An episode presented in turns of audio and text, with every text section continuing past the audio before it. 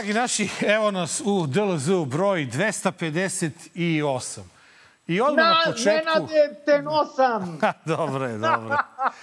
I odmah na početku, ako mogu jedan ogroman apel sa ovog mesta da uputim svim medijima koji se besomučno trkuju ko će više da nas uh, napada iz dana u dan. Znači, molba jedna do neba velika da konačno ljudi shvatite da DLZ je emisija koja se emituje na portalu i na YouTube-u i da se ne emituje na televiziji Nova S i da se ne emituje na televiziji N1 i da, mislim, to govori ljudi stvarno o, o tom nekom um, kredibilitetu koji vi imate kada ne umete da ubodete ni tamo gde se emituje nešto što napadate. Za razliku od vas, eto, koji ste fini, nežni, subtilni, ovaj, mediji, mi ponekad koristimo i neprimerne reči, nije da, da ne koristimo, ali, brate, barem ne lažemo. Marko, zdravo, Marko. U tome, ćao, Nenade, u tome jeste problem, znaš, u istini, a, koje se sipa sa ove emisije i ovaj to ne odgovara mnogima, ne samo ovaj režimu, nego vidim brate da ima dosta njih koji su se uskopistili. Slušaj, a da li ti misliš da oni stvarno ovaj ne znaju da se mi emitujemo na internetu, smo mi dakle ovaj sudeći po reakcijama, mi smo sada dark web.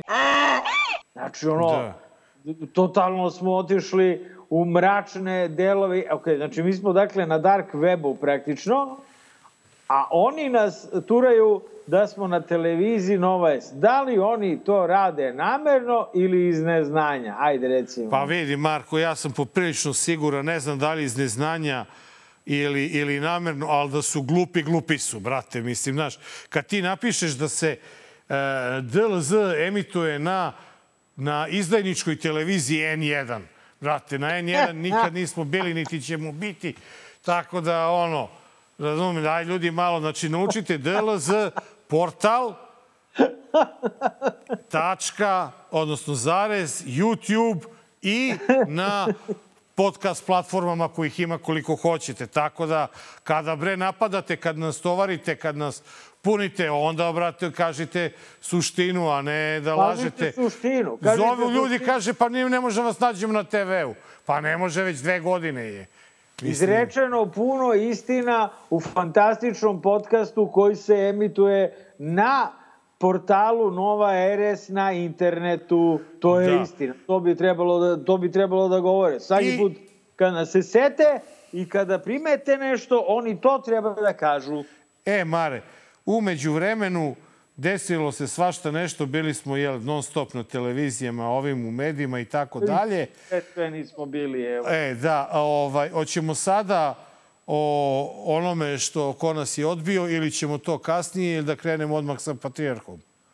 A, dobro, ovaj, stavili smo uh, kada je bila opšta frka, jel, i kada je a, ceo prepošteni, uh, fini svet u kome jedino ja psujem, ovaj, se prepao od Pinkove kampanje i od kampanje Informera. A, u tom jednom trenutku a, mi smo bili dovoljno ovaj, a, profesionalni da tražimo a, gosta za sledeću emisiju. I ti si sreo na protestu Čutu. Ne, ne. Si, ne. Telefonom smo se čuli. Telefonom. A telefonom, još da. lepše. Jesi snimao razgovor? Nisam.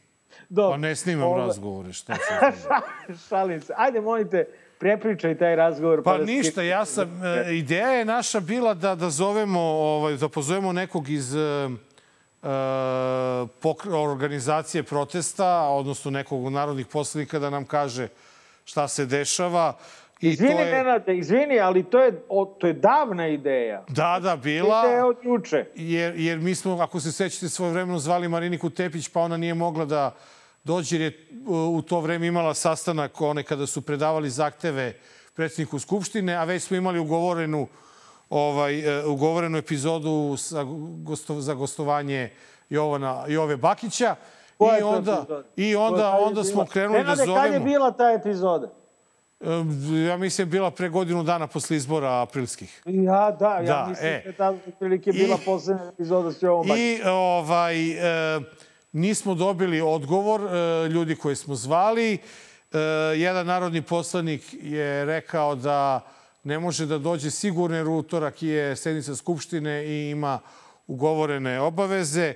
Onda smo se konsultovali i zaključili da bi bilo dobro da zovemo uh, Ćutu. Hrabru, hrabru Ćutu. Ćutu.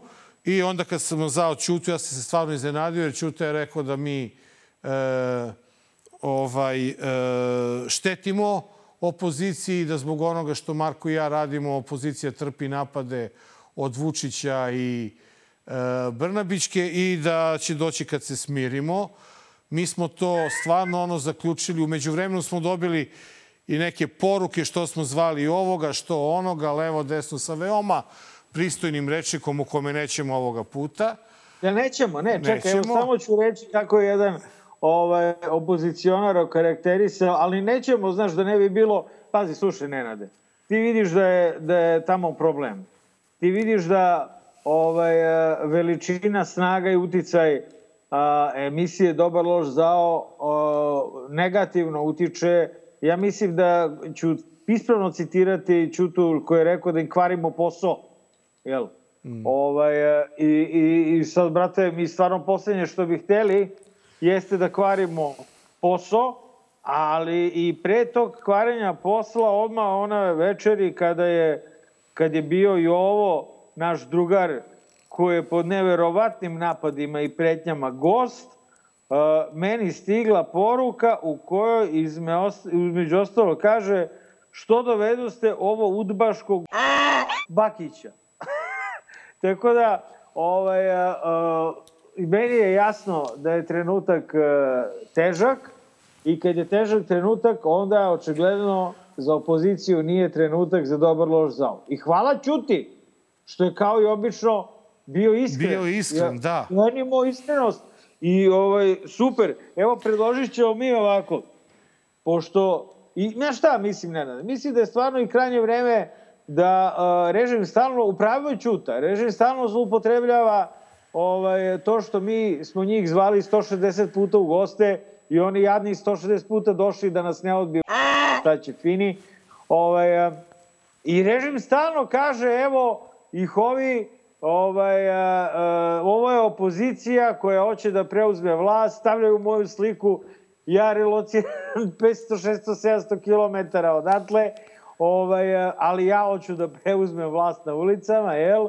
A, I zaista posljednje što treba opoziciji u ovim teškim vremenima, ovaj, to je da ih Iko povezuje sa moćnom strukturom kako je dobar loš zao. Tako da, evo ja predlažem čuti, nek se on javi, lepo rekao kad se smirio.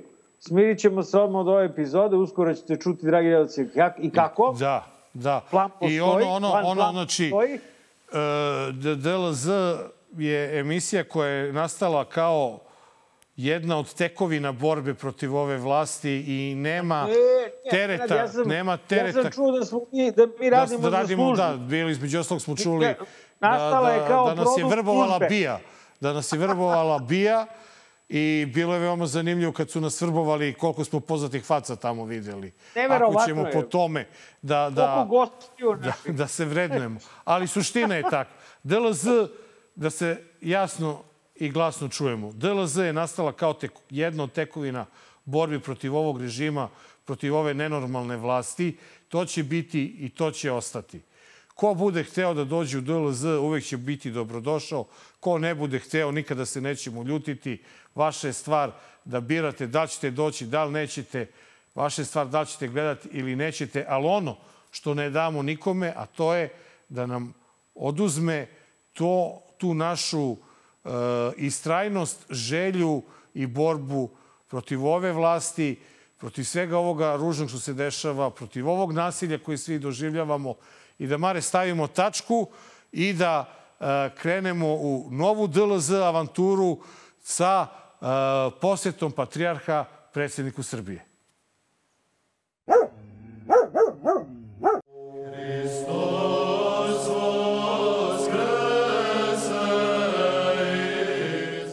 Njegova svetost, patrijar srpski gospodin Porfirije u pratnji arhijereja Srpske pravoslavne crkve, koji su se sabrali na redovnom zasedanju Svetog arhijerejskog sabora Srpske pravoslavne crkve, u sredu 17. maja sastao se sa predsjednikom Republike Srbije, gospodinom Aleksandrom Vučićem i najvišim zvaničnicima Republike Srbije u zgradi Generalnog sekretarijata predsjednika Republike Srbije.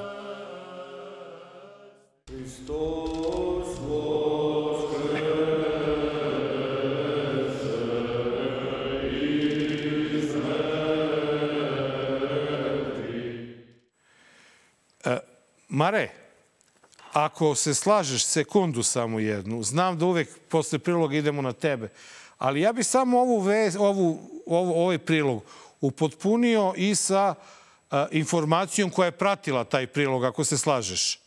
Da. E, znači, obraćajući se Vučiću sa uvaženi gospodine predsjedniče, blaženjejši, Patrijek Srpski izjavio je da on i arhireji Srpske pravoslavne crkve osjećaju predsjedništvo Republike Srbije kao svoju kuću i da podržavaju sve ono što se radi u toj instituciji za dobrobit naroda i Srbije. Za nas je radost što možemo da budemo zajedno sa vama u predsjedništvu Republike Srbije, koje osjećamo zaista ne kao svoju kuću, nego kao da jeste naša kuća osjećamo sa jedne strane potrebu da iskažemo sve ono što se događa i što se čini dobro za naš narod, gde god on da živi i za dobro Srbije i vi za to imate našu podršku, rekao je patrijar Porfirije u besedi tokom posede predsjedniku u Srbiji Aleksandru Vučiću u generalnom sekretarijatu na Adrićevom vencu. Marko, izvoli. Blaženjejši, Marko, izvoli. Hvala, gospodine moj. Ovaj, um, dakle, njemu radost, a nama gadost. A, I ono što zaista ovaj, se najpre oseti kada se posmatra pos, ponašanje crkvenog vrha jeste gađenje, a naročito, pazi, ovaj, i prošli patrijeh nije bio, bi ti rekao, ono, pominjali smo ga. Ali ovaj, a, je, znaš ti, znaš, Nenade, da redko ko mene može da izazove da onako pomahnitam kao prošli put ovaj, u emisiji. I prvo ću početi sa izvinjenjem. Izvinit ću se četvorici vladika koji, su, koji nisu došli na ovo duboko uvlačenije, a, jer je moguće da sa svojim istupom koji je bio jel, razlačen do nivoa nacionalne vesti, malo ovaj, upropastio njihov e, potez vredan zaista hvala i pažnje. Sad oni govore kao kumim te Bože, nemoj samo da nas ovaj hvali, ali šta ću. A, stvar u tome da ti, Nenade, znaš da u meni živi jedan mali Marko jedan, drugi Marko, mali Marko, znaš. I kada ovaj, e, se ovaj Marko iznervira, dešavaju se trenuci u kojima ja malo Marko kaže, malog Marka pustim slanca, jel? I kaže mu, drž to! I prošle nedelje smo imali prilike, ja i nisam čak, nisam, nisam gledao epizodu, ja sam u Informeru čito šta je mali Marko sve pričao o ovome, uh, kako se zove, patrijarhu. E, nisam mogao da verujem da je mali Marko sve te stvari ispričao. A, svaka mu čast, brate, taj stvarno ima herca. A, ono što, a, u što sam verovao, i to sam i rekao kad mali Marko svoje izlajao i vratio se ovako u mene, Uh, ono što sam i tebi rekao, Nenade, dok si ti napuštao crkvu, sad ćemo popričati o tome, vada si se vratio, vada si shvatio da ovaj čovjek ne predstavlja crkvu, jer i ti i ja smo pravoslavni, srpski pravoslavni hrišćani, čoveče. Znači, overrajdujemo ga i, i, i sve u redu. Ele, ono što sam shvatio, i dok, se, dok je trajao prilog, to je dok je mali Marko uh, lajao, uh, to i rekao sam tebi da ćemo ovaj, uh, da izrazit ću se malo markovski zbog ovoga što govorimo upravo. Da nam to nije izgledalo toliko, ponelo nas je, bilo je to, bio to običajni DLZ, bez cenzure, DLZ u kome se opušteno priča i laje, u kome se sprda, u kome se dobar loš zao se zove emisija, u kome loš radi svoj posao i tako. Međutim, ono do čega smo stigli po drugi ili treći put u istoriji ovaj, naše emisije, to je jedno odvratno licemerje, a, jedna hipokrizija ovog takozvanog našeg dela javnosti, koji se zgrozio nad onim što je mali Marko pričao i tako smo stigli dotle, ja sam vagao u horoskopu, brate, i evo, a, stigli smo dotle da na jednom tasu imamo mafijaški režim Aleksandra Vučića, imamo Porfirija koji podržava otvoreno taj režim koji ih parama, koji se izražavao pogano o ženama, imamo popove u preskupim džipovima.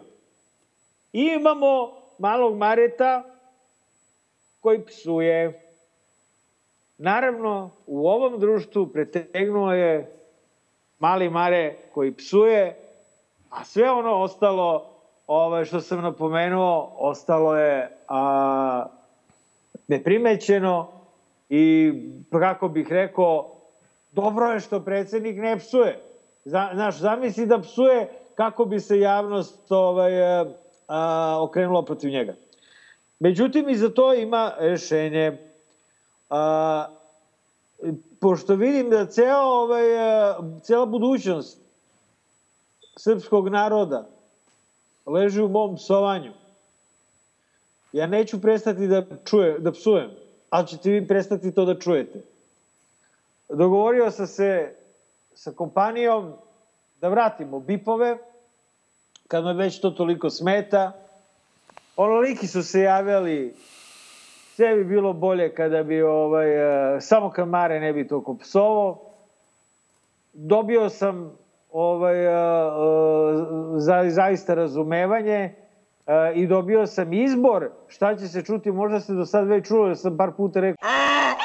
Ovaj, čuće se njakanje magarca.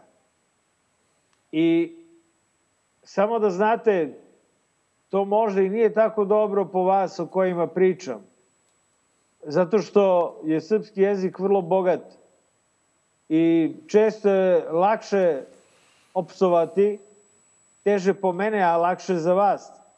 Ali kada bude biro reči, jer neću voleti da slušam nakanje preko svog glasa, možda će vas i više boleti. Eto, to je što se tiče ovaj, toga. Šta ti imaš da kažeš, Nenade? Ja sam ovaj se, Mare, uplašio, ti skrenuo ko Vučić 40 minuta da pričaš, Bog te video. Ovaj, e, ja bih te samo, takva, samo bih te zamolio... Ja sam, ja sam morao, ne, izvini, ne, zamolio te, bih te... Neću pričati uopšte do kraja ovaj, prvog ovaj, dela emisije, da ne bi slučajno opsovo. Ne, ja ali, bih te zamolio ali, pošto... da, da, pošto mi trenutno uh, uh, taj neko ko bi trebao da nam montira sve to on trenutno nije ovaj u zemlji, na službenom je putu van zemlje, tako da bi zamolio da ako može bez bipova i bez njakanja u ovoj epizodi, jer neće imati ko to da uradi. A što se tiče... Radit će neko čoveče, rekli su mi da će uraditi. Kad smo pričali o tome, e, pa, Marija, evo ja ti kažem sad. Zašto psuješ? Ja kažem, pa zato što smo na dark webu. Znaš ti šta ima na dark webu, čoveče? Dobro, ali, ali, ali, ali, ali, ali čekaj da se vratimo... ćeš pobedu opozicije. Da, da, se vratimo, da se vratimo na suštinu. Naravno da, da nema, nema normalnijeg i e, očekivanijeg poteza u ovom trenutku nego da Patrijarh podrži, jel, predsednika Srbije. U ovim teškim trenucima šta će da uradi Patrijarh Porfirije nego da otrči i da nađe utočište kod svog predsednika. E, meni ono što tamo što e, je malo zaparalo uši u celoj ovoj priči, to je da ni jedan jedini put nisam čuo patrijarha Srbije, Porfirija, e, Srpske pravoslavne crkve Porfirija, da je rekao bilo šta po pitanju e, sporazuma o normalizaciji odnosa između Beograda i Prištine. E, apsolutno sam... Ostao bi bez para. Pa e, to, apsolutno sam siguran da bi patrijarh da sluša duboko sebe, u, da sluša u, u dubini svoje iskrene pravoslavne duše, osudio bi e, prihvatanje takvog sporazuma, ali pretpostavljam da e, to nije racionalan potez, jer onda e, mnoge, mnoge, mnogi novci se ne bi slili u crkvu, tako da meni je to samo čudno. Nikada mi neće biti jasno zašto i kako može to, ako ćemo reći, e, za ženu advokata, advokatkinje ili advokatica ili psihološkinja ili sobarica ili tako dalje, zašto to može da uništi brak i da uništi svetu bračnu vezu, a poprično sam siguran reći jednoj jedinoj ženi da je jadnica i bednica nije ništa gore i ružnije od onoga što je Marko rekao. Tako da, eto, drago mi je što uh, je, ako Mare mogu da kažem, koristići jednu lepu srpsku uh, izreku, rupa našla zakrpu i sve to funkcioniše dobro u tom njihovom svetu, a ako se slažeš, mi smo imali tu sreću da prošlog petka prisustvujemo najvećem opozicionom skupu ikada u istoriju Beograda, pa da vidimo samo ovako jedan kratak segment uz jednu prigodnu pesmu, Mare. Jednoga jutra kad se probudi O bela čao, bela čao, bela čao, čao, čao zoru ja se probudim A okupator beše tu Draga ja odoh partizane O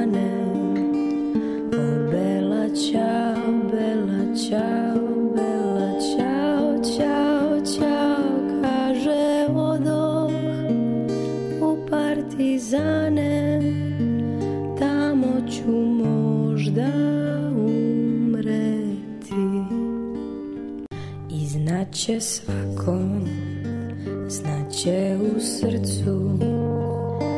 Bella ciao, bella ciao, bella ciao, ciao, ciao Znaće svako u svome srcu Da to sloboda miriše I znaće svako u svome srcu Da sloboda miriše.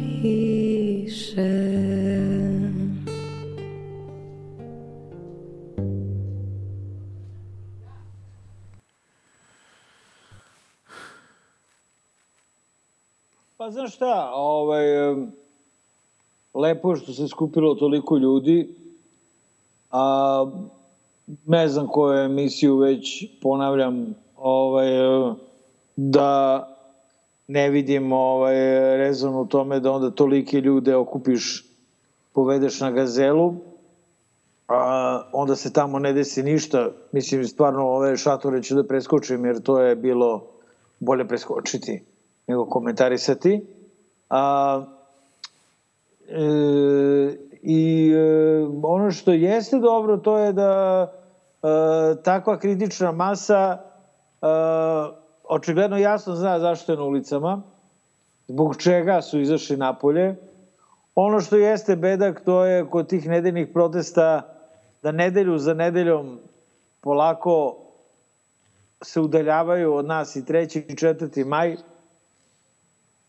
i sve više nasmejanih lica tamo a, i sve više reči ovo je lepša, fina, pristojna Srbija, mirna, protiv nasilja, kako smo lepi i nasmejani, ali nam fali 18 žrtava, jel? Dakle, on, ono što mi ljudski ovaj, a, a, smeta, to je karnevalski pristup koji je neizbežan kad je protest jednom nedeljno u nekoj mojoj zemlji iz mašte protest je krenuo odmah svaki dan u svim gradovima Srbije a, ali a, i ovo je dobro ono što čekamo sada je 26. maj takozvani kontramiting i ja verujem da će taj kontramiting biti fijasko ne što se tiče broja ljudi, nego što se tiče vajba. A, tu neće biti klicanja vođi, osim ako ih ne budu ovaj, štrecali ovi elektrošokerima, da je, ajde sad se deri, sad se deri. Videli smo, ovaj, vidjet ćemo Magareće kutku kako su gosti prolazili u Pančevu. A, e, posle ovaj, kontra mitinga takozvanog ćemo imati prilike da vidimo da li će se nešto promeniti u strategiji protesta. Ti si bio na protestu, kako ti komentarišeš? E, pre nego što bilo šta kažem, samo bih zamolio režiju da Marko, ako možete da stavite uh, preview gore u, u, u njegovom levom ili desnom gornjem uglu da bi mogo da vidi šta se dešava, ono što smo imali ranih E, nemam, nemam baš dobru komunikaciju Marko sa Markom. Marko vidi sve, nemoj da E, ok, hvala reži. Uh, Elem, šta sam teo da kažem? Uh, hteo sam, Mare, da kažem da jeste, bio sam, ovaj, bio sam na ulicama i uh, ono što je za mene utisak sa ovog posljednjeg protesta, Mare, to je da uh, prethodna dva protesta uvek bilo pitanje koliko nas je.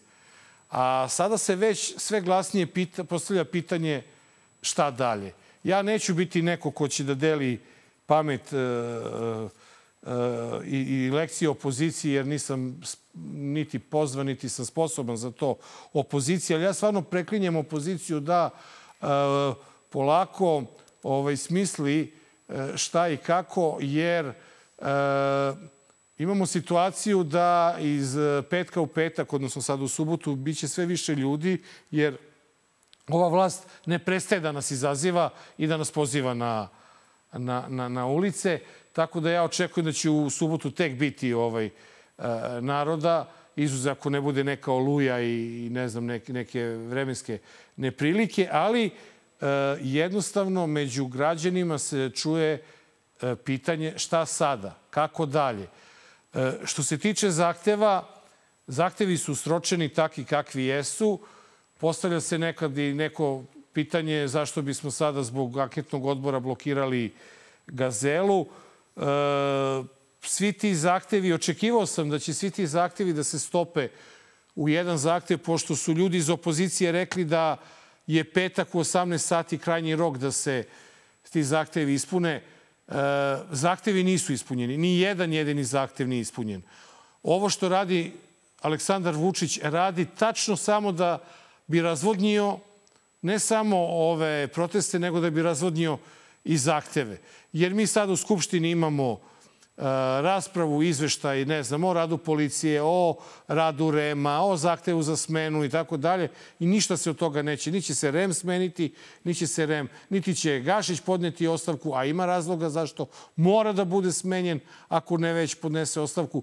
Tako da bi ja samo voleo da a, ako dolazimo na te proteste da konkretnije znamo šta nam je činiti ili da se jasno i glasno kaže mi ćemo ovako da protestujemo dok se ne usvoje ovi e, zahtevi, ali onda nemojte da govorite te u šest je u petak, te u sredu i tako dalje.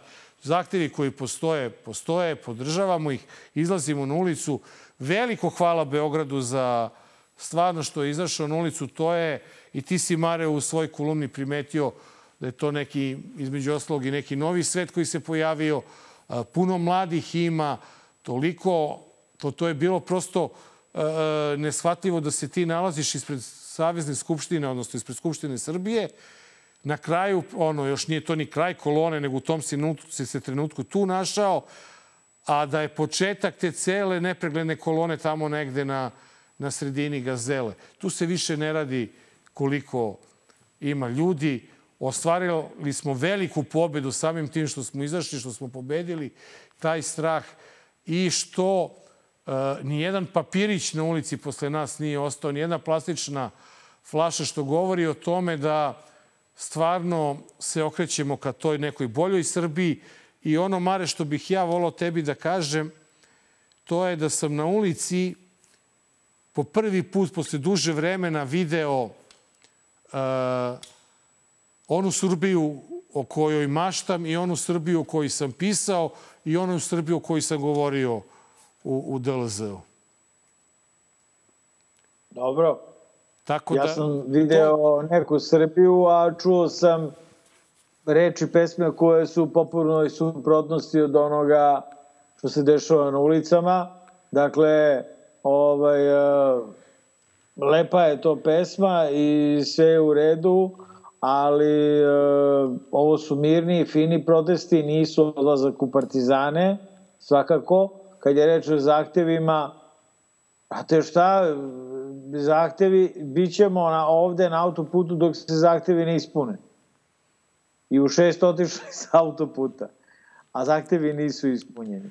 Ali to nije bitno, očigledno. Znači, ono što je najbitnije kod ove situacije, to je da narod nije tu ni zbog tih zahteva. Narod je tu zato što ima a, očigledno nasušu potrebu da se okupi To je potreba kada su teška vremena, kada su gadna vremena, kad su smrtonosna vremena, da se okupiš, prosto da, da, da, da, da dođete i da vas bude što više na jednom mestu. To su ovaj, primalni arhetipovi, razumeš, koji idu još iz davnih doba, da kada je neka velika frka, a dva masovna ubistva u dva dana jesu velika frka, još veća frka jeste režim i režimski mediji koji su stvorili atmosferu neprekidnog nasilja i terora u ovoj zemlji.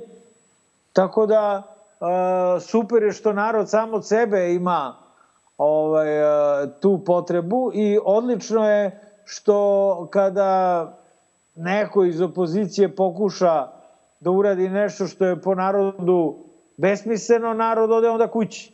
Ali sledeći put opet dođe i doći će u još većem broju, sigurno. Zato što, kao što reče neko iz opozicije, mi smo tu samo da ima ko da prijavi protest i, i da neko odgovara jel, za to iz najbolje namere. To ako zahtev neki prođe, prođe, nema veze. Znamo mi šta narod viče. Narod viče Vučiću ostavka. To je nešto što opozicija ne viče.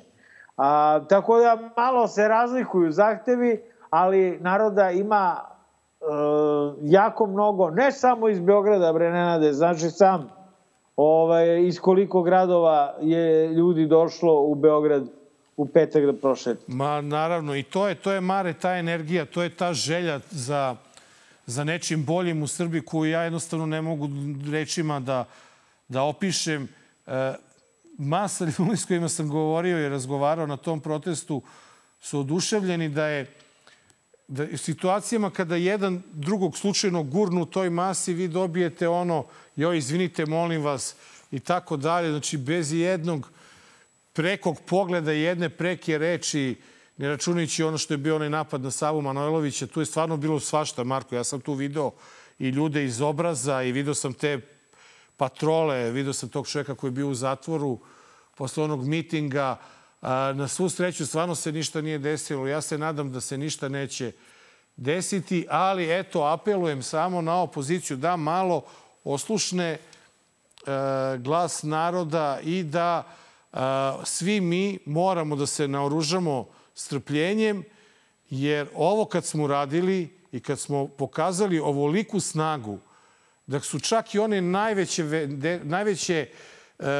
zvezde režima počele da uvažavaju to da nas je bilo na ulicama i da nismo bagra, bez obzira što to, na primjer, Boško Ničić iz Zajčara, gradonačelnik, kaže za nas, e, počeli su da malo šalju neke drugačije tonove. Naravno, to ne možete očekivati od Vučića, to ne možete očekivati od Ane Brnabić, to ne možete očekivati od Orlića i svih njih, ali polako stvari kao da govore o tome da ni oni nisu slepi bez obzira koliko god im je tamno ispred očiju. Ono što je Marko mnogo zanimljivije, to je njihov odgovor na sve ovo, međutim i rasprava koja se e, desila u Americi. Detailed reporting from the New York Times Magazine a few weeks ago asserted that connections between the Serbian government and gang violence in both Serbia and North Kosovo, carrying out murders and intimidating political rivals in the media. Is this reporting credible, Counselor?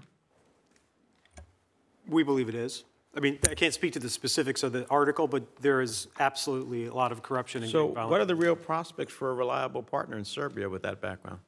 Well, something, Mr. Chairman, we have to test. And we have to, again, we're doing this with eyes open, but uh, we are holding Vucic to account and his colleagues to account uh, for their corruption, for their behavior and activity. Uh, we have uh, uh, issued sanctions against many uh, folks throughout the region. Da vam kažem još jednom vama i vašim koalicijnim partnerima, niko nikoga neće juriti po Srbiji. Niko nikoga po Srbiji neće juriti. U Srbiji se vlast neće menjati na izborima. U Srbiji neće biti Majdana. I danas iz raznih službi mi dolaze podaci i kažu nam naše sestrinske službe sa istoka ovo su pokušaj obojenih revolucija i tako dalje. Neka živi naša Srbija! Vidimo se za sedam dana u Beogradu! Svi u Beograd! Živela Srbija! Amare. Ovaj, ok, ok, ja, ja razumem ovaj, a, komplikovano situacije. A, već sam rekao, zbog toga ću njakati, neću psovati. Eto, pošto je to, ja mislim, jedini pravi problem na putu ka slobodi i ka pobedi. A, ovaj, a, retorika a, premijerke je takva zbog njene frizure. Kad tako nabiješ frizuru, viš kako sam ja nabio kapu, da bude miran. Razumeš? Kada stavim kapu, onda mali Mare nema kuda da izađe, razumeš? Znaš, nema, nema da...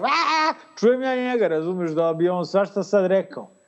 Ali ne može, stavio sam kapu. Mare, izvini, izvini samo, jesi primetio šta je rekla Ana Brnabić? Jesam, primetio Da sam. neće rekla da se je menja vlast na izborima. Da. Oni su ovaj, toliko, u tolikoj nervozi da ne, ne, ne kapiraju više šta govore i u pravu Dobro, su. ona, ona generalno ne kapira šta Pa ne, govori. Mare, ali rekla je Kažem, istinu. Rekla je istinu. Ti, ti možeš da zamisliš situaciju da u ovoj zemlji se promeni vlast i da Ana Brnavić i Vučić izađu i kažu da, pobedili ste, predajemo vam. Ja to ne mogu da zamislim. Ja mogu da zamislim. Možda zamisliš da Ana Brnabić čestita nekom i da prizna da je izgubila na izborima. Ne, oni će da budu ovaj, uh, soror luzeri, razumeš, ali u jednom trenutku kada dobiju naređenje da moraju da izgube, izgube izbore, onda će da budu malo nadrkani, malo nadureni i moraće da priznaju, znaš. Nemojmo ovaj režim porediti sa režimom Slobodana Miloševića, nisu mu ni do kolena. Ovaj, a, ti vidiš, brate, šta radi jedna frizura, njoj ometa frizura, da iz mozga misli izlaze napolje kako ko, koherentno. Znači ona e, je htela da kaže, uveren sam da je htela da kaže da će se u ovoj zemlji vlast menjati na izborima, ali ona ima stravičnu tremu. Nju su ze, zebavali u toj skupštini kako nikada ni na jednim izborima nije učestvovala. Ona je možda zato to rekla. Vlast se neće menjati na izborima, jer ona je vlast koja nije promenjena na izborima. Ona ni na jednim izborima nije učestvovala. Nije bila ni na jednoj listi. Ona je od 2016. premijerka bez izbora. Tako da što se nje tiče, ona, je, ona nije navikla na izbor, ona ne zna kako da upotrebi reč izbori u rečenici. Eto. Ništa strašno za Anu Brnabić. Navikli smo. A što se tiče Firera, izvini, ovaj, ono urlikanje, a, on je jedini koji je urlikao u Pančevu. I oni koji su terali narodu torove i oni koji su sprovodili disciplinu. To je bilo jedino urlanje u Pančevu. Nije bilo urlanja, i sam si rekao, iz publike Fireru naš ili a, a, šta god, brate, Vučiću, Vučiću, otko znam, šta, šta se viču uopšte na naprednjačkim mitizima? Ništa, ne viče se ništa, jede se sendvič, brate, zna se kako, se, kako, kako to ide.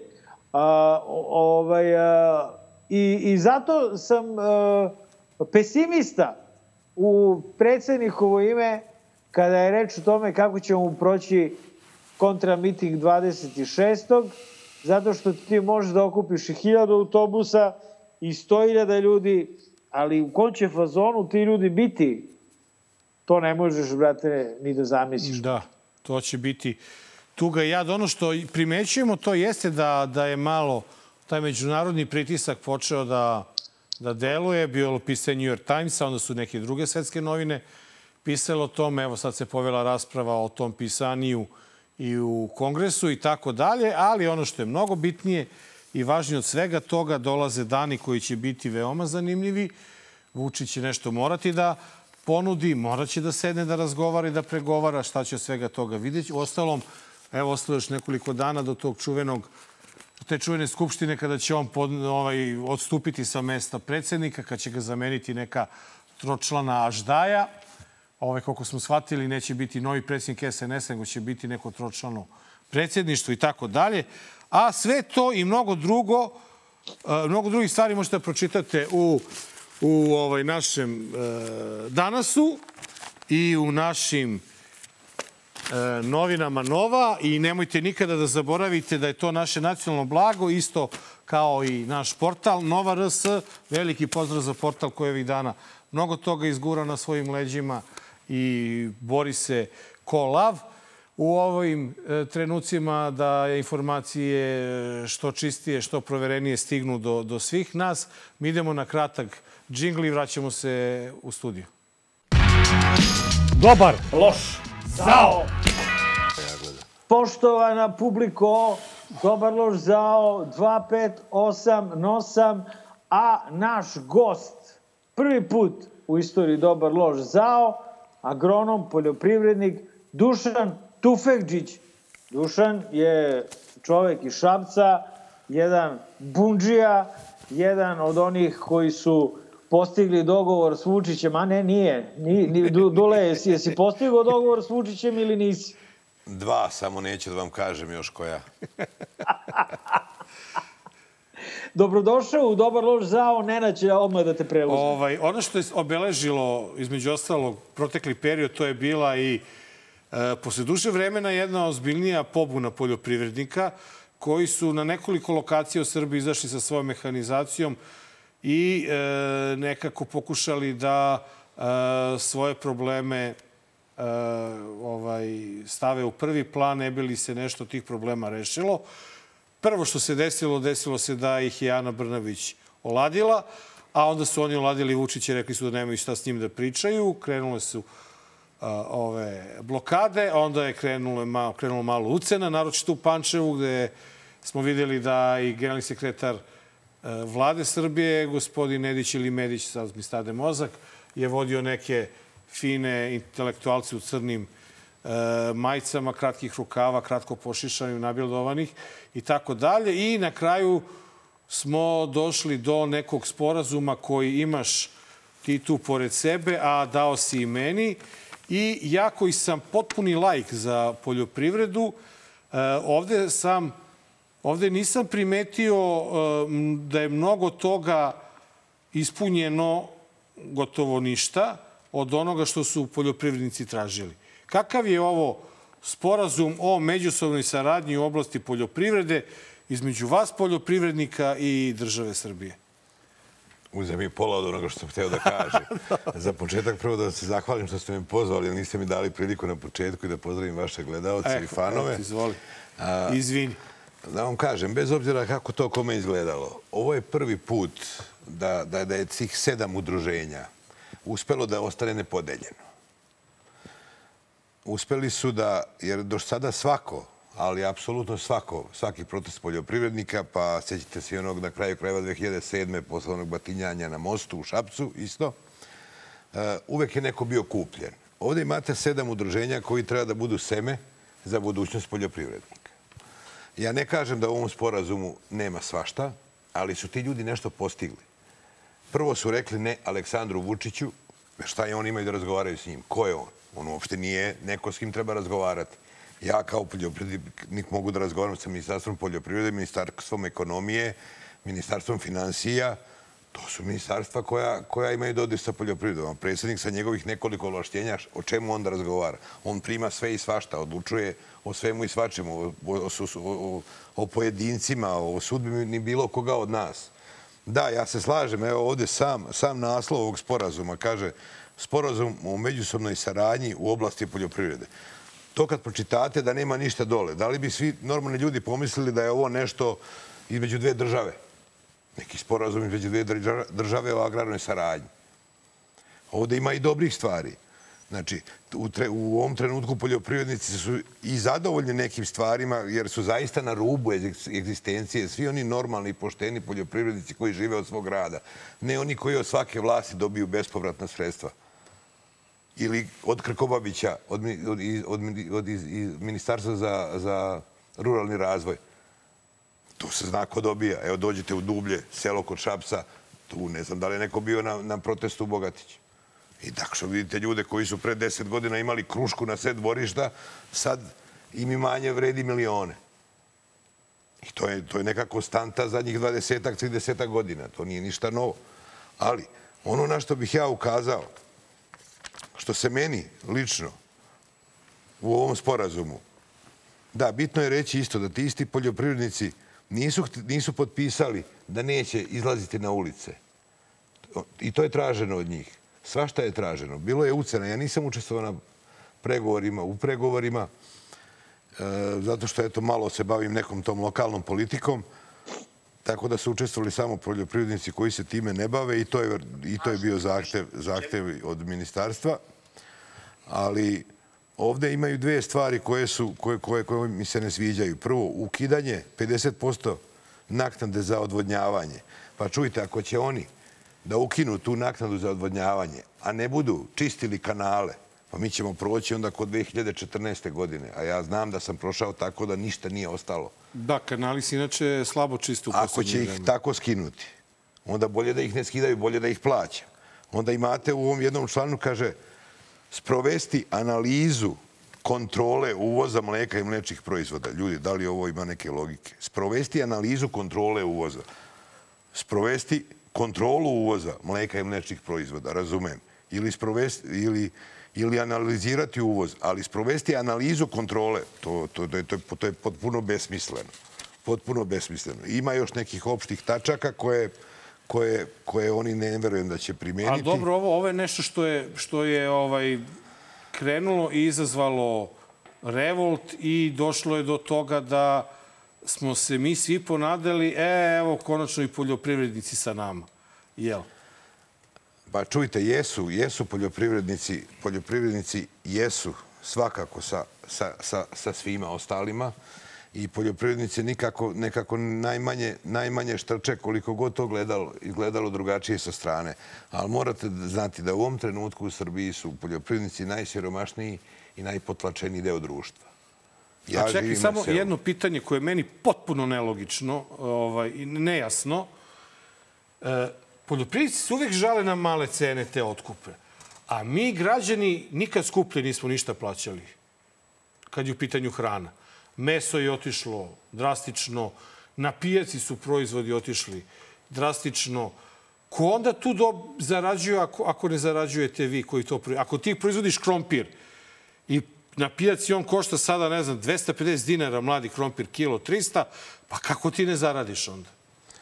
Ja ću vam reći da je taj pomenuti mladi krompir je e, negde oko 100-120 dinara na veliko. A ja ne znam da što ga vi plaćate 250 i kome ga plaćate 250? Pa plaćamo ga u prodavnici na pijaci. E, to, to onda nije pitanje za mene kao poljoprivrednika. Cena mleka je, prosečna cena, zadnja cena otkupa mleka jednog od ljudi koji su pregovarali ovde, jutro sam ga pitao, je bila 57 dinara sa 4% mlečne masti ili sad se to u proteinima nešto meri. Gde je razlika? Koliko je u prodavnici? Možete da nađete ispod 140 dinara litru mleka. Imate ovde uništeno stočarstvo. Uništene sve grane poljoprivrede. potpuno uništene, devastirane. E, Uvoznički lobby je previše jak. Mi imamo kao poljoprivreda veliki problem zaista sa SSP-om. Kad kažem SSP-om, mislim na, Misliš na sporazum iz sporazum- 2008. Da. Da. me gospodin Đilas ne bi pogrešno razumeo, ne bih to voleo. A, taj sporazum e, je jako negativno utiče na poljoprivredu.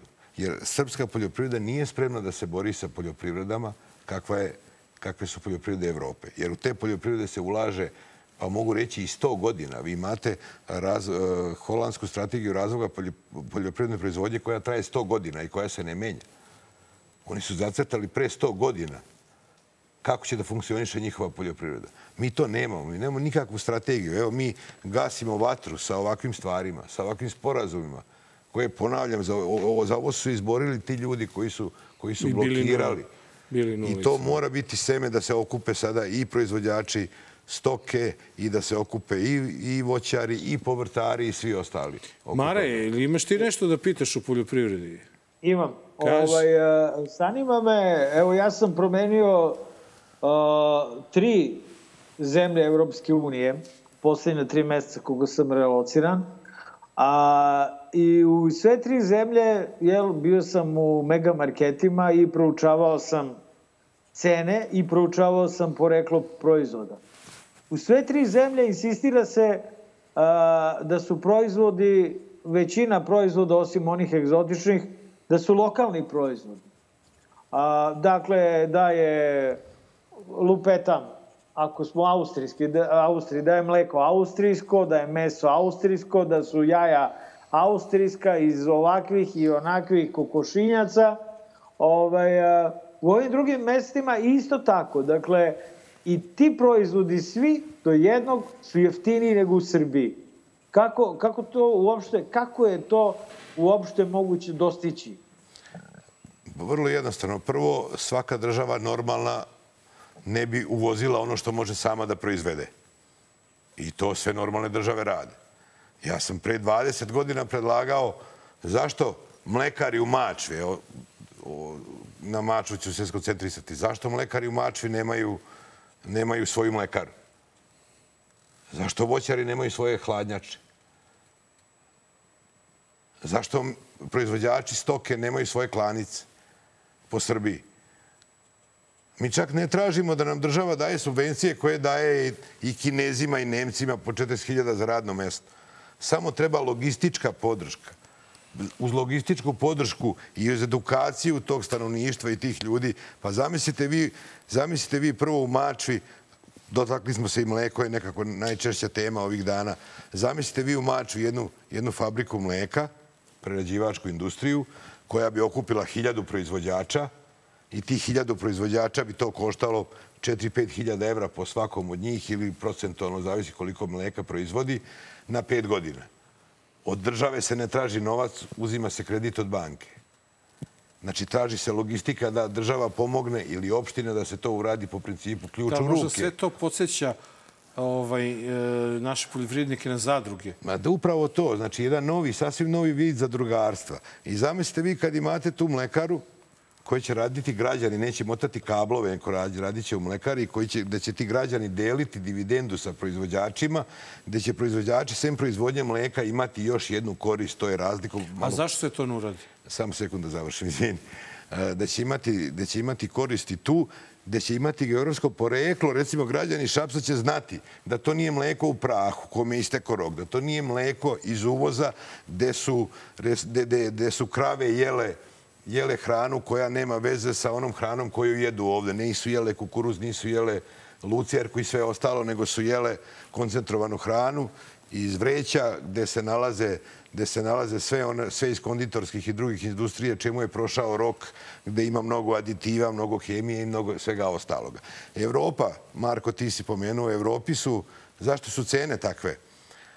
Prvo, u Evropi je taj sistem subvencija, one uopšte nisu, one nisu predviđene kao nešto što će biti pomoć poljoprivredi. To ne treba da bude pomoć. Oni su se odlučili da jednostavno te subvencije budu zarada poljoprivrednika, a da cena koštanja bude u stvari bude u stvari proizvođačka cena. Odnosno, da bi građani došli, da uprosti maksimalno, do jeftinije hrane, poljoprivrednici će dobijati kroz subvencije zaradu, a cena samog proizvoda će biti jeftinija na tržištu. Evo imate jednu zemlju Europske unije gde vam je u maloprodaji cena mleka ista kao cena koja se plaća proizvođačima. Ali oni su mnogo dalje stigli od nas. A, u stvari je u tome da isti ti lanci imaju svoje sestrinske kompanije u Srbiji. Dakle, drugačije se samo malo zovu. A, ali je vlasnik isti. Proučavao sam, zato što o, mi je bio zanimljiv taj fenomen i zastrašujući sa druge strane, zato što u Srbiji opet, dakle, isti ti lanci, kada pogledate proizvode u Srbiji, e, tu prvo poreklo hrane nejasno. Nema jasno naznačenog porekla hrane, osim, ok, kroz nekih konzerviranih proizvoda gde lepo piše da je proizveden na Kosovu, pa je izvezen u Indoneziju, pa je odande uvezen u Poljsku i onda iz Poljske uvezen u Češku, da bi onda odatle bio izvezen u ovaj, Panamu i odatle uvezen u Srbiju. Eto, to su redki proizvodi gde može da se vidi poreklo. Ali ovi naši proizvodi, što vi kažete, znači mi nemamo pojma odakle dolaze jaja koje se pojavljuju, da ne pričamo o pijacama, da, e, niti kakav je kvalitet toga.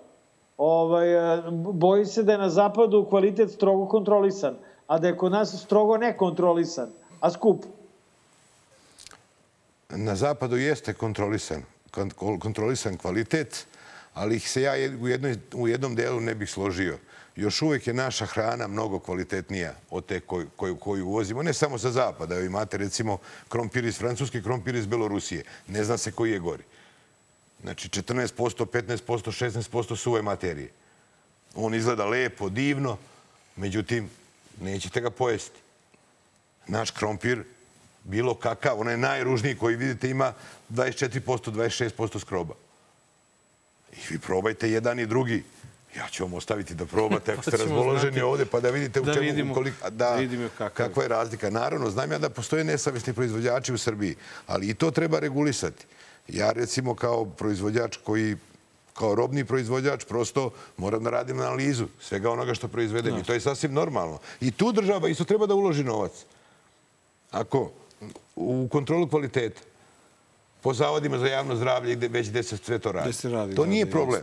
To nije nikakav problem. I to treba raditi. I ja nisam neko ko, ko, je, ko je protiv toga. Ali samo, Marko, malo pre sam bio slikoviti, ponovit ću još jednom. Evo recimo, aflatoksin, ovo nikad niko nije izneo, ja ću vam izneti ono što sam čuo od svog profesora sa poljoprivrednog fakulteta. Pričamo o aflatoksinu. Njega malo ima u u toj Poljskoj, u Holandiji, u Nemačkoj. Zašto ga ima malo? Zato što malo kukuruza ima u toj stočnoj hrani, oko 10% najviše, jer su deficitarni sa kukuruzom. Aflatoksina kod nas ima više i bilo je 0,5 kod nas, u Europskoj uniji 0,05, zato što dominira kukuruz ishrani, što je dobro što dominira kukuruz. Da bi se vama nešto desilo, ako je aflatoksina više od 0,05, odnosno između 0,05 i 0,5, vi treba da pijete 600 litara mleko, mleka dnevno dve godine da bi doktor posumnjao da ste povratili zbog tog mleka. A to isto mleko koje uvozimo iz Poljske, ono nema aflatoksina. Ali šta ima? Malo pre sam pomenuo i ponovit ću. Znači, celokupna prehrambena industrija, kondidorska, sve otpada, sve ono čemu je istekao rok, što je već puno aditiva, od kekseva, čokolada i svega ostalog, se to ponovo melje, pa ponovo tretira, pa termički obraduje, džuje, pa se od toga pravi stočna hrana. E, šta ima u tom mleku? Zašto neko ne kaže šta ima u tom mleku? Probali ste to poljsko mleko? Pa ste ne, imali... hvala. E, pa probajte kada ne, vidite hvala. kakav je ukus našeg i nisam, mleka. Nisam imao tu priliku, ali ono što hoću da kažem, pored toga što ti obrađuješ blizu 100 hektara zemlje, uglavnom povrća i ratarstvom i povrtarstvom da, se da. baviš, e, ti si i član predsjedništva e, pokreta Buđenje i aktivno si učestvovao u svim protestima i e, svim dešavanjima od protesta protiv litijuma do evo ovih sada poslednjih. I ti si, kao i mi, učesnik tih protesta, građanin koji ide tamo. Kako se tebi činu ovo, da aktualizujemo malo priču, kako se tebi čini, čine ovi protesti u Beogradu? Ja ću za početak da budem jasan. Prvo pozvati sve građane u subotu na novi protest. Znači, to, oko toga nema, nema, nema spora nikakvog. E, desile su se te strašne tragedije. Ja ovom prilikom saučestvujem sa svima koji su koji su doživjeli te strašne gubitke i to se ne može ni opisati. Ja sam sutradan napisao na društvenim mrežama kako ćemo sutra živjeti bez te dece. I strašno je što se, taj, što se to desilo i što je to negde i povod za ove proteste, jer onda se Pandorina kutija praktično otvorila i ljudi su nezadovoljni s pravom, gnevni, e, puni su mržnje, mržnje pod navodnicima prema ovoj vlasti prema svemu ovome što ona vlast radi od, od realitija do govora mržnje u medijima, pa čak predsjednik države koristi isključivo govor mržnje. Evo sad smo videli i premijerku koja psuje. Znači, to je ovaj narod izvelo na ulicu. Ne možemo reći da narod nema empatiju, Ne možemo. Ne bi ja rekao ni da, narod, da je narod glup. Nije ni malo. Znači, ovo je trenutak koji je narod izveo na ulicu. I ne samo zbog ovoga što se desilo. Ovo narod glasno govori da je do svega ovoga došlo nebrigom ove vlasti i ove države. Narod glasno govori da se u ovoj državi krade, otima, stranački zapošljava, da su ovde jedni privilegovani, drugi potlačeni, treći ucenjeni, kao što će ovi u petak doći na miting u Beograd. Ucenjeni do kraja. I ja bih i njih zaštitio. Ja bih njih zaštitio tako što bi blokirao dolazak njihov u Beograd. Ljudi bi onda imali razlog da ne uđu u autobus. Znate? Opozic... Ti imaš empatiju prema tim ljudima koji moraju? A, pa tu imamo dva odgovora. Ja, ja na primjer, nemam. Ja, ja iz nemam. mog ugla. Ja iz mog ugla ne znam šta bi mogli da mi urade i kako bi mogli da, me, da, da, da mi kažu da ja sutra za godinu dana kad mi dete završi fakultet da ga učlanim da se zaposli. Znači ja znam da bih jeo koru od drveta i to isto moje dete, ali ne bi to mogao da uradim. Postoje ljudi koji to urade. Ja ne mogu da kažem da ih ne razumem potpuno. Znači ja to ne bih uradio ali ne možemo ih osuđivati. Ne, ja ne osuđujem, samo nemam nego jednostavno moramo doći u situaciju da kad se ova vlast promene, a nadam se da će to biti ovih dana, da budem iskren, jednostavno do toga više ne dolazi. Da vi više ne, ne gledate ko je član koje stranke kada neko konkuriši za posao. Pa više će vas ceniti Pazite, Vučića će izdati prvi ti koji, koje on zapošljavao, koje on ucenjuje, koji mu, kojima uzima novac svakog meseca od plate, koji im produžuje na neodređeno, koji traži da izvede još deset na izbore, koji traži još deset u autobusu. Oni će ga prvi izdati. A zamislite recimo da imate vlast u Srbiji kao u normalnom svetu, gde nikoga ne interesuje koji ste vi, koja ste vi stranka. I odite, zaposlite se i kažete ovako, Pa pogledajte, do juče je to izgledalo tako što se zapošljavali ljudi, morali su se učlane u stranku da daju neki novac. A ja sam se zaposlio da neko na konkursu prepoznao moj kvalitet. Pazi, ovo, pazite, ovo nije počelo sad. Ovo je počelo malo pre Vučića, ali je sad kulminacija svega toga. Sad je to otišlo to je jasno, bez traga. Mare, pre nego što ga pitaš, da pitam i tebe, ali imaš ti empatiju prema ljudima koji moraju? Nisam samo Ima. ja. A? Ja, ja, verujem, ovaj, ja verujem u njih i to je ono što sam hteo da pitam. E, dobro, Duleta. ja se izvinjavam. Ja jedini ovaj, nemam. Pa ne, ne, znaš kako, imamo ovaj, s jedne strane opoziciju koja pokazuje, znamo Nenade ih ti i ja sve vrlo dobro, dakle imamo njih koji treba da ruše režim, a s druge strane imamo tu gomiletinu ovaj, tih naprednjaka kojima će možda u jednom trenutku da pukne film. Možda u jednom trenutku. Uh, ja sad ne znam, evo Dušane, reci mi ti, šta misliš da će uh, da bude odlučujući faktor u rušenju režima, osim stranog faktora? da li će to biti pobuna ovaj, uh, unutar SNS-a ili će to biti majstralna strategija pobedničke opozicije? prvo moram reći da ne bih, da bih, da ne bih voleo da, da se ova vlast ruši iz inostranstva. Sa bilo koje strane, jer onda dolazimo u situaciju da smo opet nekom nešto dužni. Nadam se da će ovaj narod ovu vlast skinuti. Ja verujem u te ljude koje si ti, Marko, pominjao, jer njima će prekipeti, ali njima treba pružiti podršku iz jednog razloga da se oni ohrabre.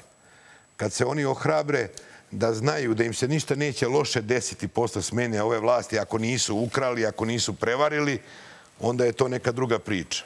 I ti ljudi u stvari su potrebni za isto tako za rušenje ove vlasti, kao i ovih 300.000 ljudi koji je bilo prošli petak u Beogradu. Jako su potrebni ti ljudi, ali se moraju ohrabriti. Svakako.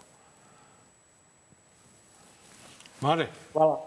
A šta, eto, odgo- odgovori mi čovjek ovaj, na pitanje, jedino ti ne slažeš, Nenade, ti si, ti Pa ne, ne, ne, ne, ne, ne, zato što, znaš, ni ne mogu. Ja jednostavno ne, ne, ne mogu da vidim da čovek ne, može da kaže neću.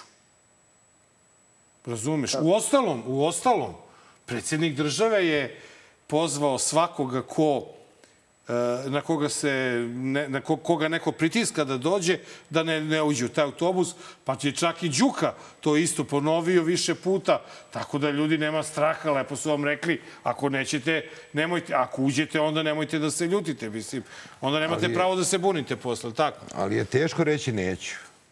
Teško je i to košta mnogo. Ne samo novca, košta svega, košta života. Evo, znate, evo, izvini, ne, izvini, a koliko, koliko je nas koji smo bilo kada za ovih deset godina rekli neću koštalo? Ja to sam se ne svak- računa. Vidi, ja sam svaki put rekao I to neću. se ne računa. I mnogo me koštalo. Pa? Da. To je razlik među nas i njih. Ali opet nemojte ni tu da pravimo podelu. Dobro, Ajde nećemo samo zbog pravi. toga. Re, re, rekao znači, si, mnogo je koštalo. Rekao si, očekuješ u narednim danima da ova vlast postane bivša.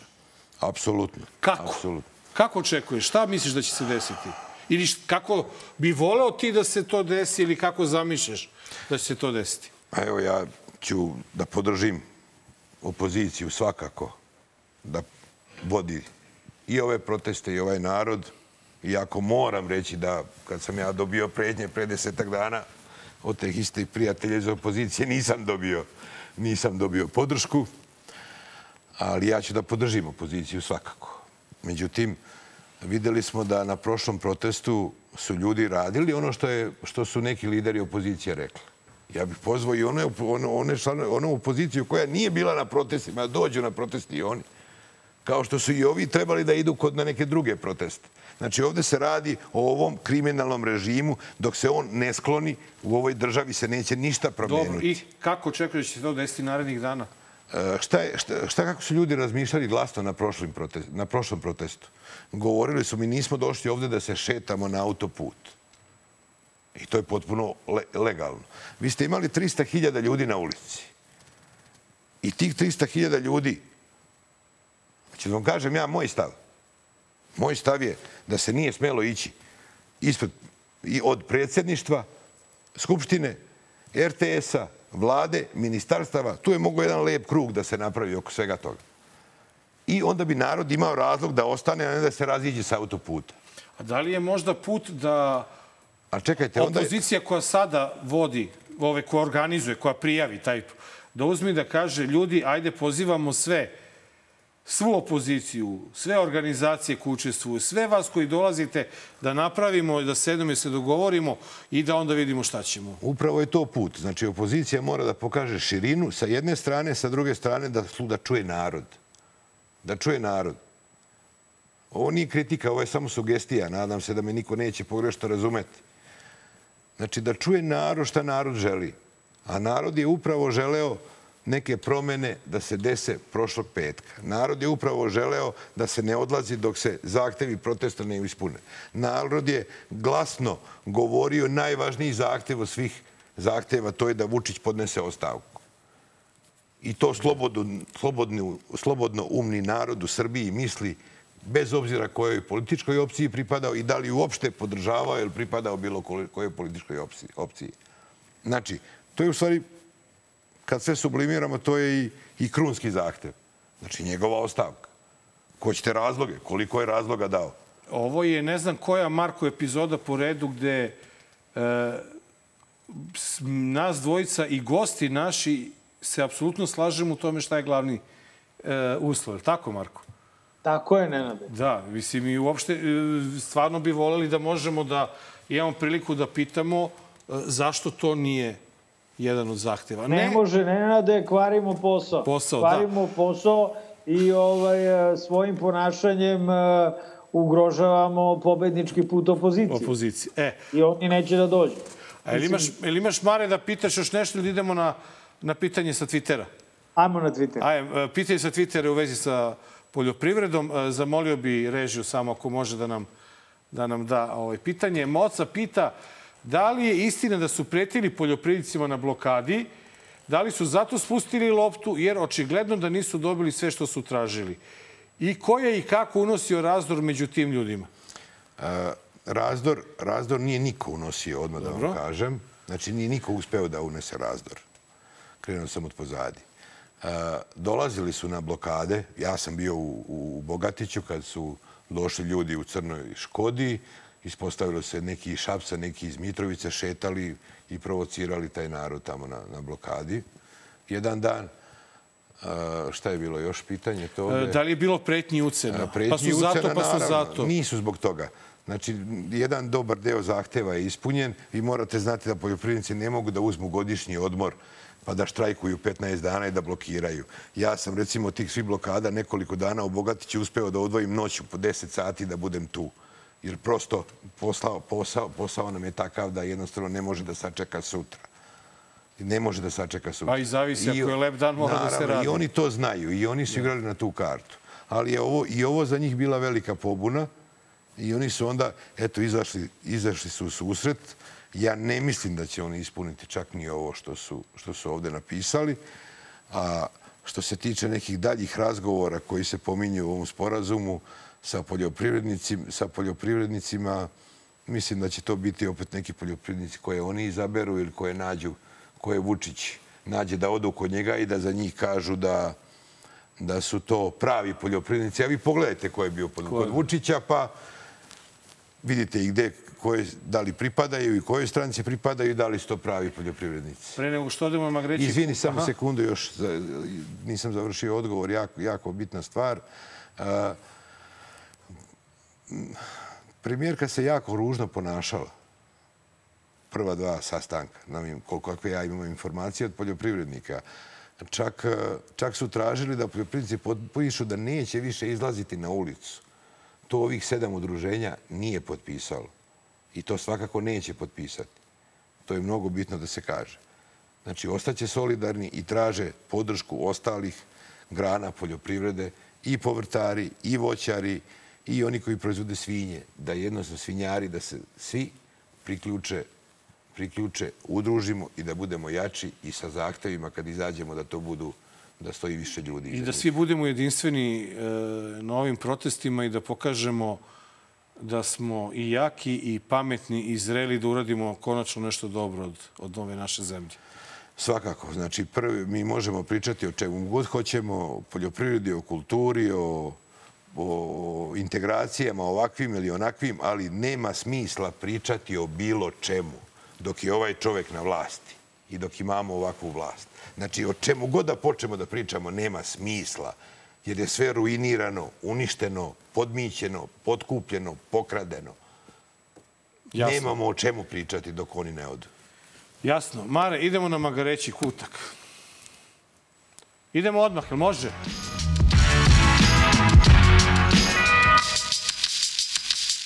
Dobar loš zao, 257 plus prva epizoda. Ovaj, sa nama u studiju po prvi put poljoprivrednik koji obrađuje blizu 100 hektara zemlje i verujte, kad god sam ga zvao telefonom, nikad ne mogu da ga zovem, dobijem pre pola osam, gde si, kaže, u gradini. Tako da nam je veliko zadovoljstvo, smo imali malo prilike da u ova teška vremena možda malo iskrenemo misli na drugu stranu da popričamo, a u stvari svi se nalazimo na istom putu. Ono što je jako bitno, a to je da predsjednik ove zemlje stalno postavlja pitanje zašto e, bi e, ministar policije trebao da podnese ostavku i u prošloj epizodi smo govorili o tome.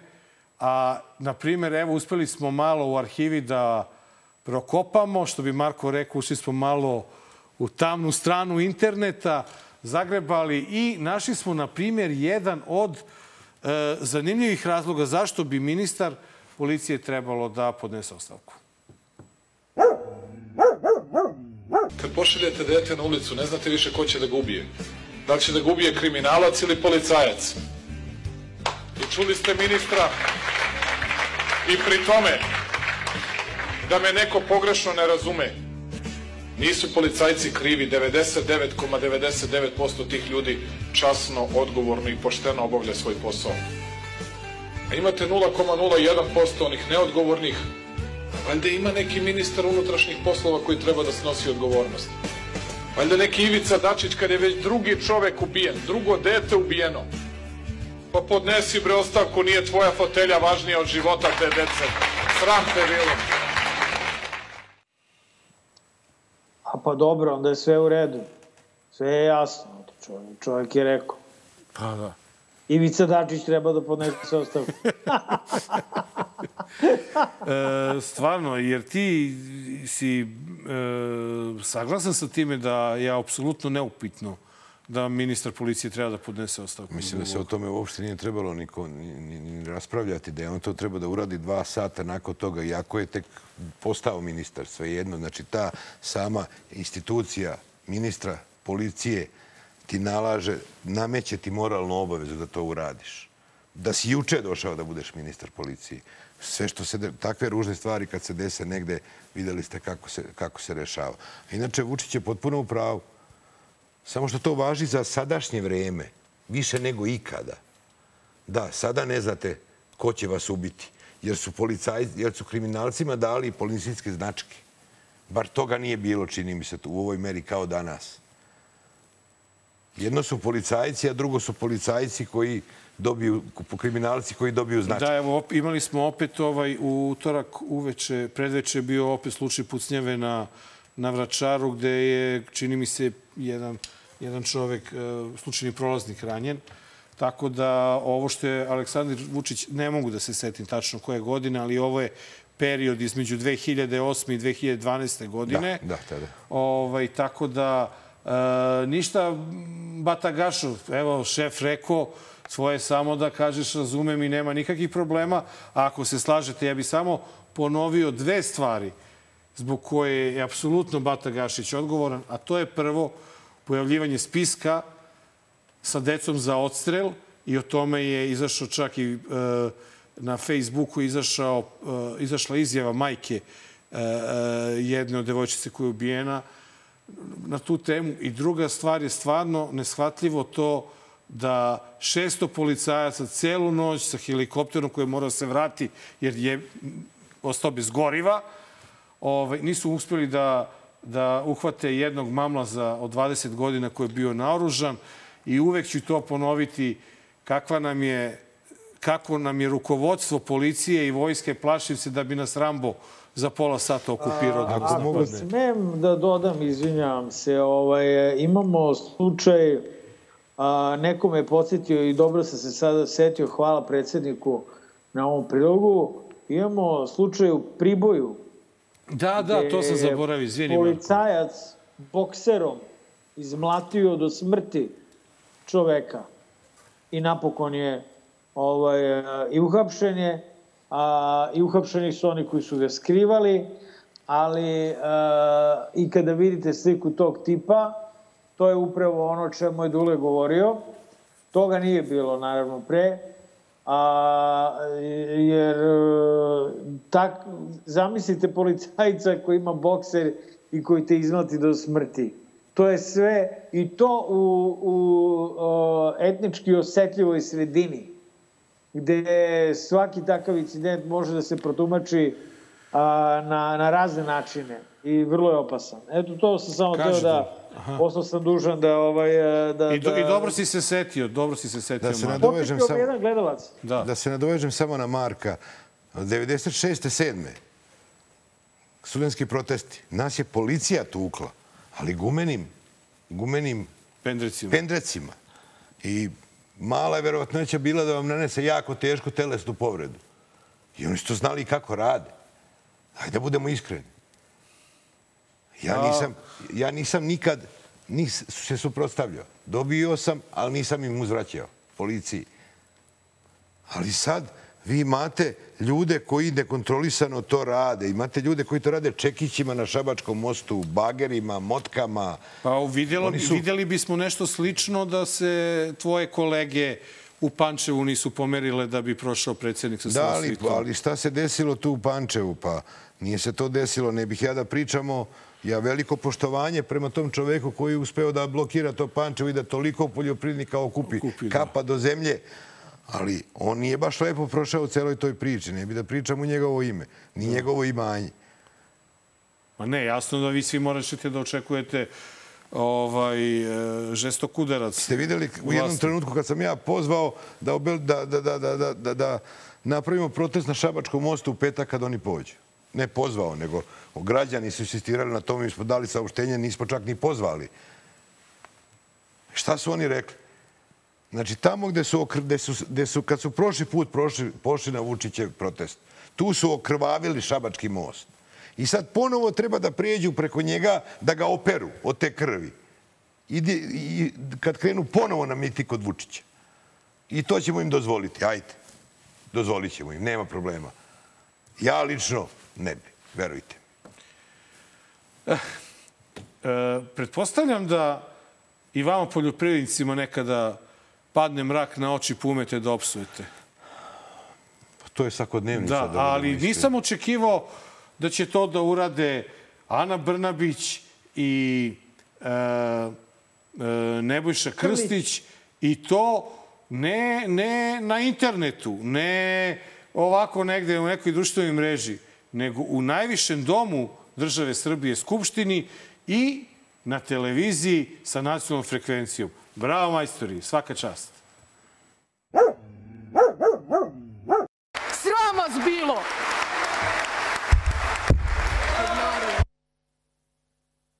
To nije rodno senzitivno, ali, ali to je fenomenalno jedno Samo da se tamo objavi. dozvoli mi se Fenomenalan dođe. Evo, u ovom trenutku se saobraćaj odvija neometeno po kod trga Nikole Pašića. Izvolite, gospodine Krstiću. Saobraćaj se odvija Nikole Pašića.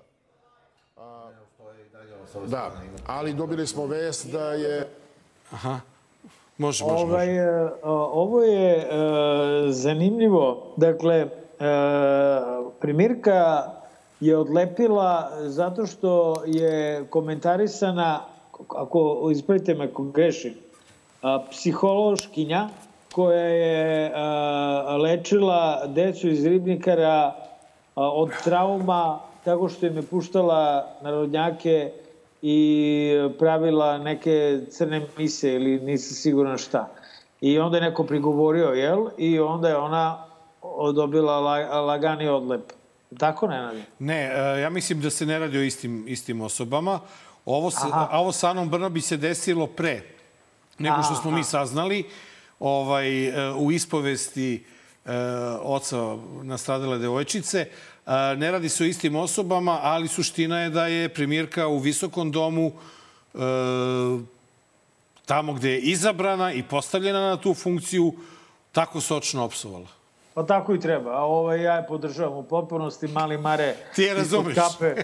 Pa da, brate, treba i više da se psuje. Treba da se psuje. Ona, znaš, onako, uh, učini mi se, kako bi ti rekao, življom. Bolje idu psovke nego što ide normalan jezik. Jer viš, kad ide normalan, on ume da kaže žena, ume da kaže govnaru jedan. To je okej. Znači, ali ne ume da kaže da se vlast neće dobiti, na, izgubiti na izborima. Izborima, tu se već da. buni. Ove, a molim te, Nenade, objasni mi, da li je do konflikta na Pinku došlo između Krla i Bradice ili između Krla i Sarape? Ne, koliko sam ja shvatio, došlo je do konflikta između Krla i Sarapa, jer Sarapa nije dozvolio Krlu da kaže. Pa kad je Bradica brbljao je. E, Znaš, Bradica Bradica je brbljao, Krla je hteo, Sarapa je hteo da ispadne još pametniji pa da kaže evo vidite kako, a? I onda se začudio kad je ovaj ustao i onda je Sarapa ni kriv ni dužan ovaj, dobio porciju. Kako tebi deluje ovo psovanje u, na Pinku i u Skupštini Srbije? Pink ne bi da komentarišem zaista. A što se tiče Skupštine Srbije, premijerka tako nešto da uradi, ja mislim da je to čak i namerno uradila. Uopšte ne mislim da je slučajno. Jer nju nema ko ni da, bi- kritikuje zbog da, toga. Da bi pokazala u stvari koliko su je isprovocirali i Da. koliko je ona mora, kakva je ona moralna gromada i koliko je to nju pogodilo. Da je ona morala. Da, ali meni je nešto drugo značajnije. Vi ste na početku emisije videli kad ona kaže neće se menjati vlast na izborima. Nažalost, u Srbiji to i jeste tako, jer oni se drže one Staljinove. Znate kako je Stalin govorio? Ako dobro pripremite izbori, izbore ne moraju ni da se održe. Da. E, oni tako dobijaju na Oni izborima tako, da. i tako, tako I pobeđuju. na kraju, evo, došli smo do generalne probe velikog narodnog skupa Nade. Srbija Nade u petak 26. je u Beogradu, ne znam u koliko sati, stvarno izvinjam se što nemam taj podatak, nešto me nije mnogo ni zanimalo. Ali, evo da vidite kako se to lepo ljudi provode na uh, mitinzima Aleksandra Vučića širom Srbije.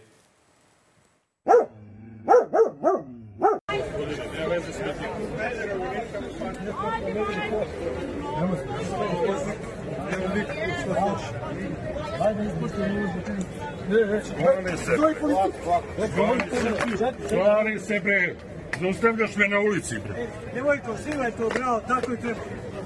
Bravo, Ja sam posao na pravo bre, budala. Policijo, što viče zatvori bre, normalno. Evo, bre. Sram vas bilo, slobodna zemlja bre. Šta da zatvori? Ajde, prođi slobodno na ovaj. Svako nek ide bre, ko hoće. Sram vas bilo bre. Pomeri Zatvori, šta nisu oni ovce nego ljudi bre. Jeste ti ja u poziciji, sad će to da kače, eto, vidiš. Otvorite da ide ko hoće, sram vas bilo. Kaži, E, sad smo došli u trenutak da iskomentarišemo i praktično da vidimo ono gde se malo pre nismo složili, Marko i ja sa jedne strane i ti sa druge strane. Ovo nije prvi put da ih stavljaju u žicu, bukvalno, kad ih dovedu. Ja nemam problem da ostanu na tom protestu oni koji žele da ostanu. Ali ovima koji žele da napuste ovaj kordon, mislim da će se Marko sa mnom složiti, treba pružiti ruku. Mi treba da im pružimo ruku da izađu iz tog kordona, da ih izvučemo. I da ih Naravno, naravno. ohrabrimo da izađu. O tome ja i ovaj, govorim. Ja se nadam da će... A, bilo je raznih kontramitinga u istoriji sveta i čovečanstva koji su organizovani sa namerom da se a, vođa kuje u zvezde, a onda se to vođi olupalo o glavu. A, ja ne znam kako će baš biti 26. zato što a, cela Srbija zna da bez dovoženjem autobusima, bez, bez bukvalno svojom voljom, veći broj ljudi dolazi u Beograd već svakog petka. Dakle, tu već imamo e, jedan sukob e, dve, dva vajba. Prema tome, e, tu je e, Firerov vibe daleko slabiji on je u, ovoj, u ovom duelu između pobunjenog naroda na ulicama i, na, i dovučenog naroda na ulice, po mom mišljenju daleko slabiji i ovakvih scena ćemo se možda nagledati uh, mnogo više u Beogradu u petak.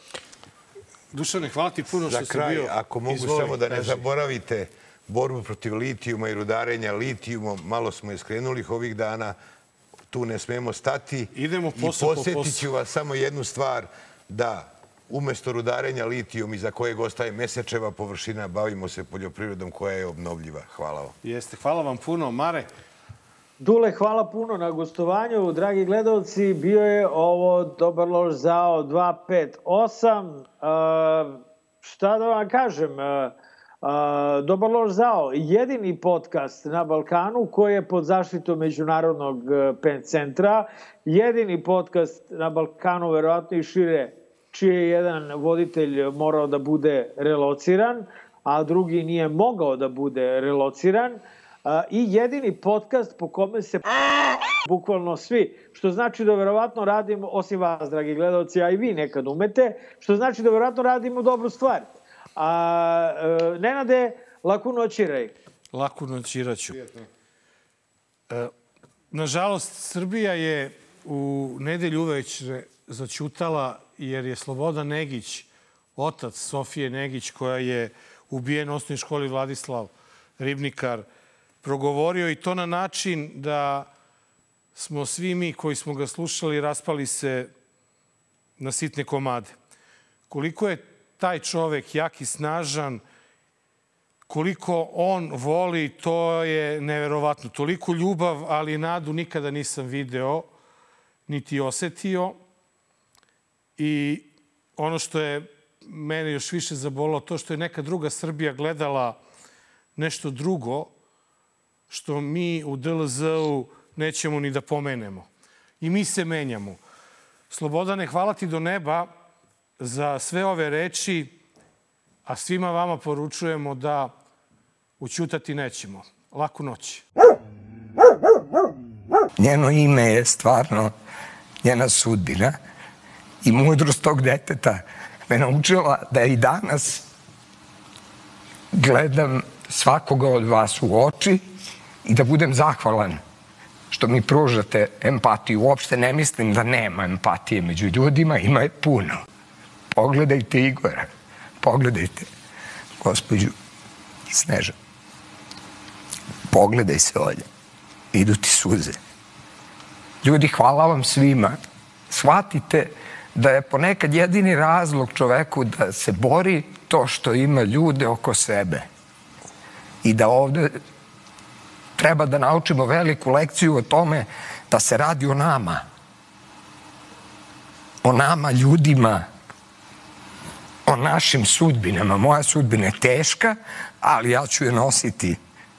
I to baš onako kako me Sofija, kao što ime kaže, mudro naučila tome.